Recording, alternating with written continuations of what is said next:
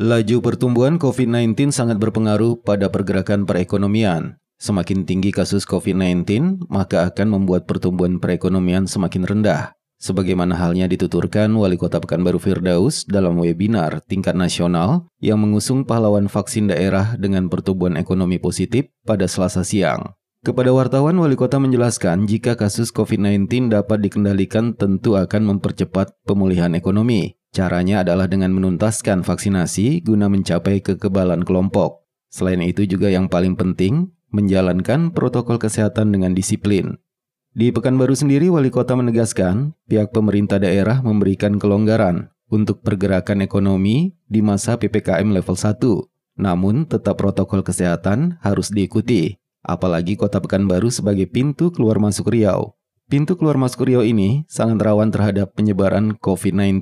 COVID, kita sedang di tengah-tengah pandemi COVID. Ini adalah solusi untuk kita bisa uh, mengendalikan COVID dengan bagaimana kita membatasi gerak uh, pergerakan masyarakat. Sementara untuk ekonomi tumbuh di sektor pariwisata ini baru bisa kita dapatkan bila mana kita mampu mengundang orang datang ke negeri kita. Maka oleh sebab itu ini suatu kebijakan dan juga membutuhkan perhatian dan juga disiplin yang tinggi menjaga keseimbangan. Kita bersama-sama termasuk baru nih ya. Bagaimana kita bersama-sama melaksanakan e, memerangi kopi dengan jalan seperti apa? Protokol kesehatan di setiap kegiatan kita.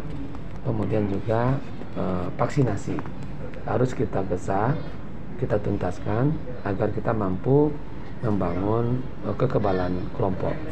Nah, apabila COVID bisa terkendali, ekonomi insya Allah bisa tumbuh. Dalam webinar Pahlawan Vaksin, Kota Pekanbaru termasuk sebagai salah satu kota dengan pertumbuhan ekonomi yang positif. Desi Suryani, Tim Liputan Barabas melaporkan.